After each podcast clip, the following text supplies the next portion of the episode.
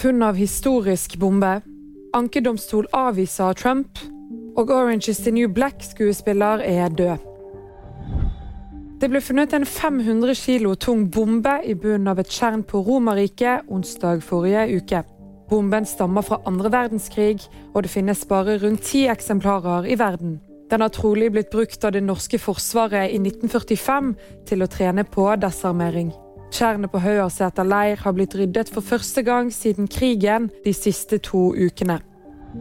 En føderal ankedomstol har avvist Donald Trumps forsøk på å hindre granskning av dokumenter.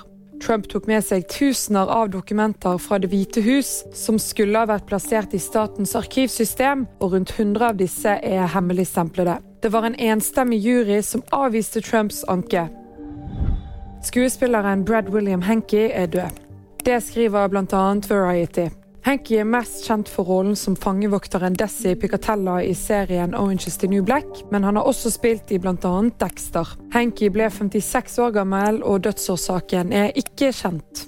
VG-nyheter fikk du av Hanne Sofie Andresen.